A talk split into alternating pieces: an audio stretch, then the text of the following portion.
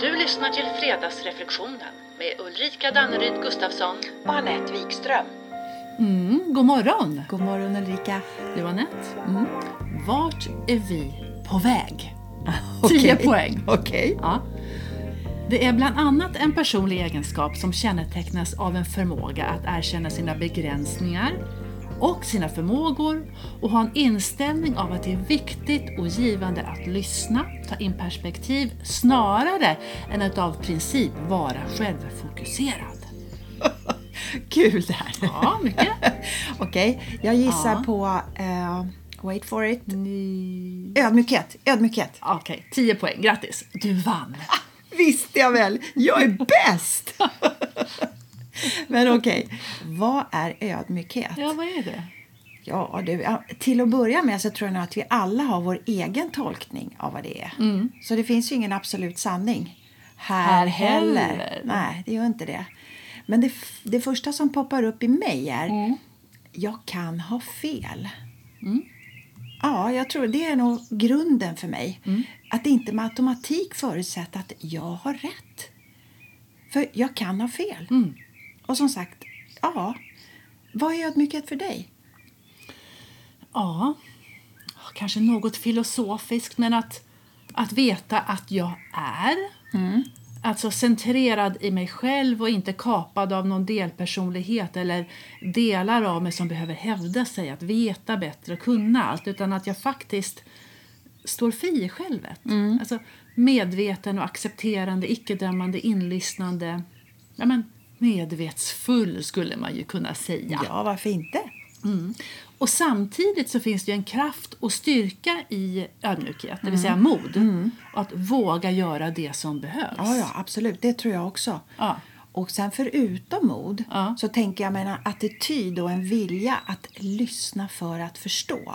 Alltså förstå andras ståndpunkt utan att döma. Och oavsett jag håller med dem eller inte. Men vet du, det är ju empatisk kommunikation, är det inte? Ja, Det är det verkligen. Men den ödmjuka och empatiska kommunikationen Mm. tänker jag brukar lysa med sin frånvaro i de här polariserade diskussionerna. Ja, ja, absolut. Rätt och fel, Ja. Mm. jag och du. Så ödmjukhet är modet att se bortom det. Mm, Och precis som du säger, jag behöver ju inte hålla med dig i det du säger bara för att jag har en ödmjuk inställning. Nej. Men jag kan se ditt perspektiv, Ja, Mm. ja. din ståndpunkt.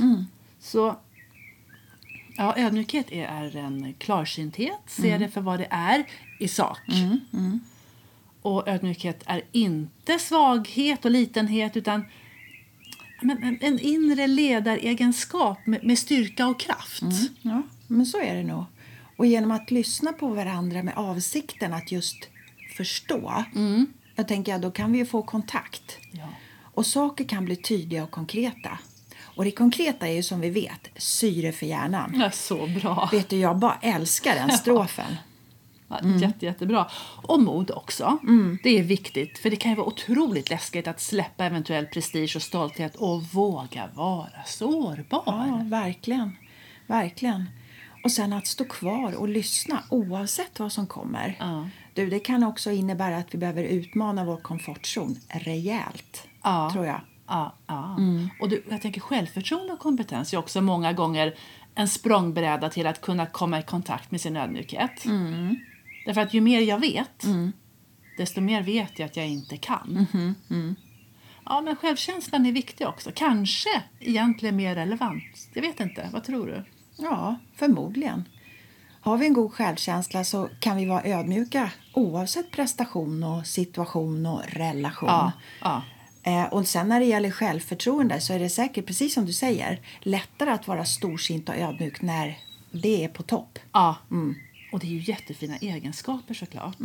Men det här när det är på topp, Mm. det kan vara väldigt olika saker. Det Ja, kan ju ja, ja. vara framgång, pengar, prestation, Mm. välmående, balans, trygghet. Så hur är livet när det är på topp? Vad behöver jag för att känna att livet är på topp? Ja, det kan man ju fundera över. Men när det kommer till ödmjukhet så tycker jag att det rätt ofta, alltså inte alltid, men, men rätt ofta finns en koppling till just det här jag är. Jag är inte bättre än, jag är inte sämre än, utan jag är. Och hur det än är så finns det någonting vilsamt i det. verkligen. alltså en medvetenhet och trygghet o- om helhet och en klarsynthet och ödmjuk insikt om att jag är en del av ja, allt, Mm. eller hur du nu vill definiera det. Nu är jag sådär filosofisk igen. Välkomna till Filosofisk fredag. Ja, tack. Tack så mycket. Mm, Ja. slå dig ner. Absolut. Också en ödmjukhet inför hur skört livet faktiskt är. Ett- Något som är så Verkligen. Mm. högst påtagligt för alla just nu. Eh, och också en ödmjukhet, tänker jag, att det inte alltid är lika lätt att ha en ödmjuk attityd. Jag menar, vi har väl alla till exempel dåliga dagar när vi är arga på allt och hela världen. Ja. Ja, men tänk om vi då kunde samla ihop oss Ja. med vänlighet.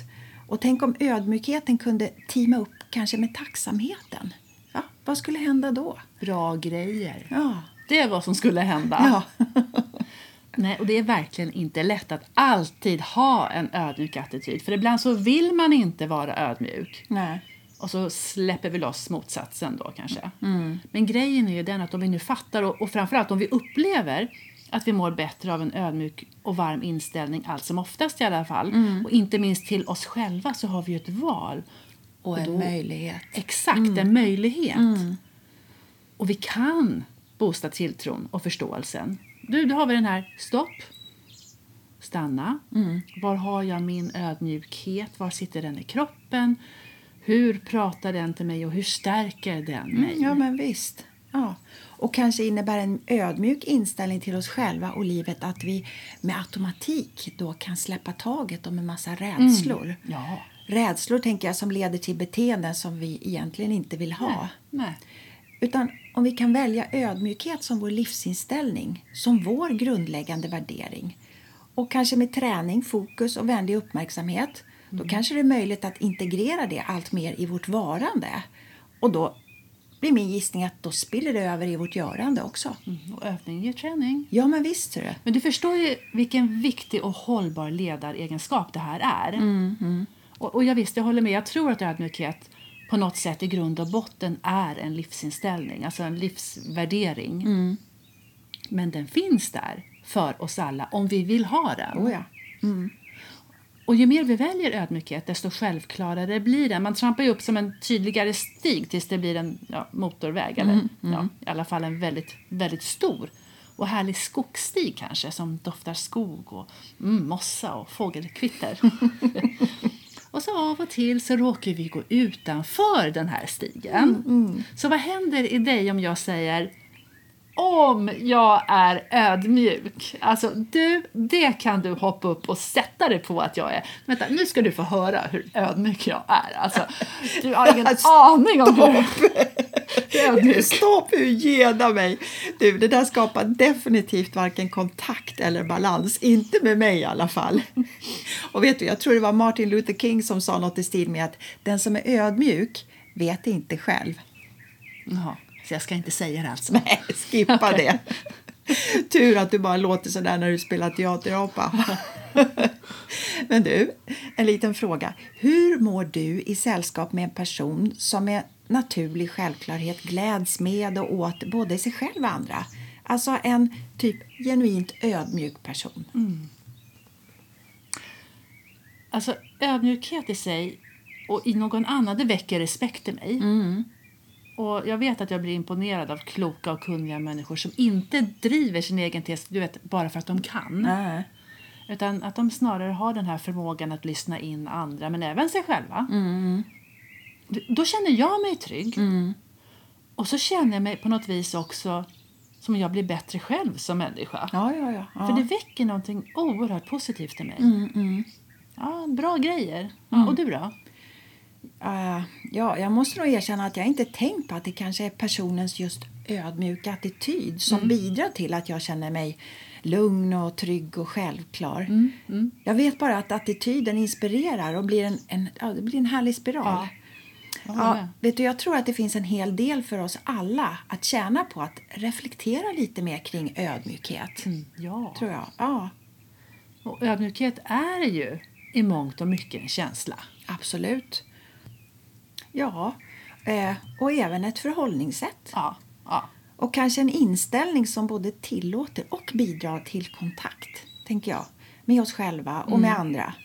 Oavsett åsikter och det är rätt och fel eller högt eller lågt och vi och dem ja, och så vidare. Så, och jag tänker bara wow, vilka möten vi skulle kunna ha med varandra bortom prestige och rädslodrivna försvarsbeteenden. Ja. Och då förstår man ju kraften i att ödmjukhet hjälper oss att skapa goda och hållbara relationer. Du, jag säger bara ledarskap. Mm, yes, ja verkligen. Icke-dömande lyssnande tänker jag. Mm. Men du, om vår självbild är automatkopplad Ja. till rätt och fel utan Ja. att vi vet om det, alltså kanske vår rädsla för att inte duga, den kan ju hända då att den lätt aktiveras. Ja, visst är det så. Och jag vet, vi kanske till och med känner skamkänslor om vi inte har rätt Mm. eller gör rätt. Och det tänker jag då i sin tur kan trigga någon av våra försvarsstrategier. Du vet de här Som fly och fäkta. Precis. Och så faller vi kanske in i ett beteende vi egentligen vet inte tjänar varken oss själva, någon annan eller situationen. Mm. Ja, och då kan det bli typ överlägsenhet, arrogans, förminskande. Ja, du vet, några av de här goa Just härskarteknikerna. dem. Mm. Ja, och utifrån ledarskap, alltså både det inre men även det yttre Mm. så finns det ju en vits med att ta reda på varför jag hamnar där, alltså på andra sidan ödmjukhet. Mm. Ja, exakt, ja. Mm. Varför hamnar jag i försvar? Hur agerar jag när jag känner att jag hamnar i försvar? Alltså, vi kan ju se det som väldigt bra information till oss själva om oss själva. Alltså inte minst att vi faktiskt är i kontakt med en sårbar plats inom oss. Och det betyder något. Det är viktig information. Ja, absolut. Där har du det.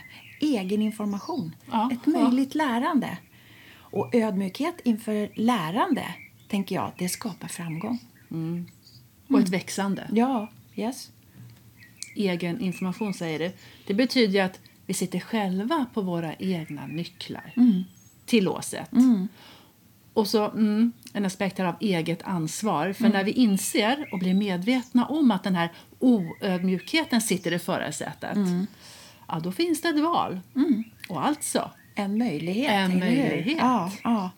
Och den nyckeln alltså, har vi ju själva som sagt. Nyckeln att stanna upp och, och fundera på vad som händer, vad vi känner och vad vi önskar och behöver. och då har vi klassiken.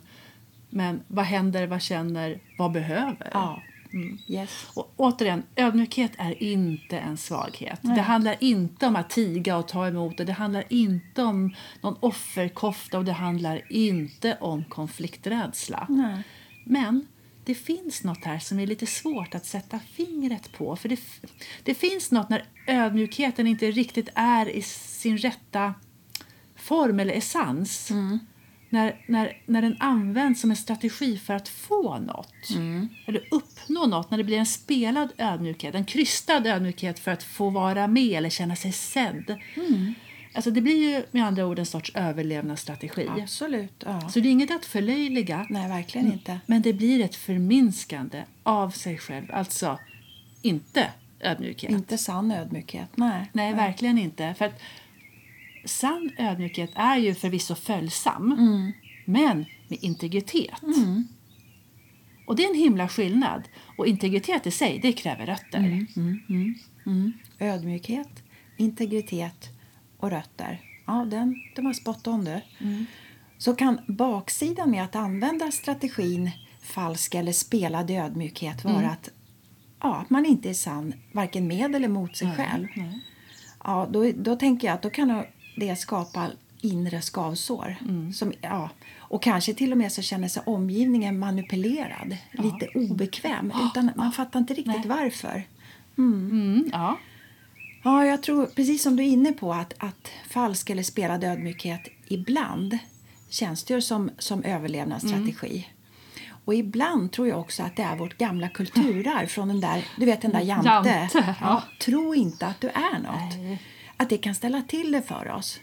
För säg att vi är stolta och glada över något vi gjort eller lyckats med. Och så krockar den känslan med du ska inte tro att du är något. Nej. Alltså, snacka om krock. Ja, no good. Det Nej. kan bli en jädra smäll. Och så tjonkas alla känslor ihop och så vet vi inte vad som är upp och vad som är ner. Nej. Och där vi primärt kände stolthet och glädje och så gick det Mm. över till ja, jag vet inte vad. Nej, syna den där Jante. Strippa honom. Ja. Det är klart vi ska få känna stolthet och glädje. Ett, Jäklar vad bra jag är! ja, underbart. Det är klart vi ska klä av han. Ja, av med kläderna. Och förmodligen, om vi skulle tänka efter, Mm. så lirar nog inte jantelagen med våra grundläggande värderingar. Nej, förmodligen inte. Nej, men jag tror ändå att den omedvetet påverkar oss Absolut. än idag. Absolut. Och det, just det faktumet, det, be- det behöver vi också vara ödmjuka inför. Och, och sen för att bli av med den här omedvetna påverkan, då, kan vi då, då kan nog en början vara att erkänna och synliggöra eländet. Eller hur? Ja. ja för då kan vi bli mer aktivt uppmärksa, uppmärksamma på när den tar plats och påverkar oss. Ja. Du, det är ju som den här. Det är inte lätt att vara ödmjuk när man är felfri som jag. Ja, eller hur? Underbart. Ödmjuk arrogans eller falsk ödmjukhet. Ja. Men du, tror du det är lättare att vara ödmjuk när man mår bra eller har lyckats? Mm. Ja, alltså det mesta känns nog lättare när vi mår bra och när vi har lyckats. Mm, Mänskligt, ja. Och jag tror att det är lättare, jag tror jag nämnde det innan, att bjuda på ödmjukhet när man känner sig kompetent och trygg i det man gör, alltså självförtroende. Och innan det på riktigt blir integrerat i vårt eh, varande. Så den riktiga essensen i ödmjukhet tror jag springer ur varandet. Övning i träning, alltså i ungdomens glada dagar, då vet jag 17 om jag var särskilt ödmjuk. Mm. Eh, Den har väl förmodligen stärkts genom åren. Mm. Samma lika här. Och det kanske rent evolutionärt är precis som det ska vara. Ja, precis som det ska vara. Evolutionärt. Man undrar hur grottmänniskorna hanterade sin ödmjukhet.